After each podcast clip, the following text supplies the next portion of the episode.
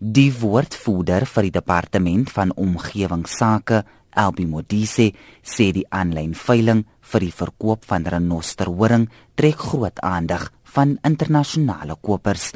Hy sê 'n wanpersepsie word geskep oor die handel in renosterhoring in Suid-Afrika. The South African government is concerned largely stems from the fact that at the present moment the only trade that's permitted as per the Concord ruling is the domestic trade in rhino horns.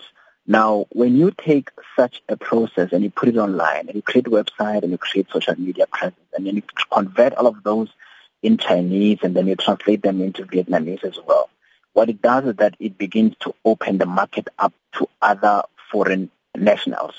Our concern is that the website and those presence in terms of uh, online auctions and sales tend to create an impression that the trade will be open to international uh, audience. Modise sê slegs die plaaslike handel in renosterhoring is wettig. Well, the commercial international trade in rhinohorn is and remains prohibited in terms of uh, all protocols as per CITES.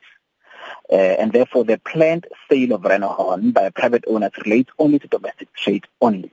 And the department will have to confirm that uh, we would not in any way promote any particular trade that flouts any existing international trade ban. Dit was Albi Modise, die woordvoerder vir die departement van omgewingsake, Jean Estreisen, SAICanis.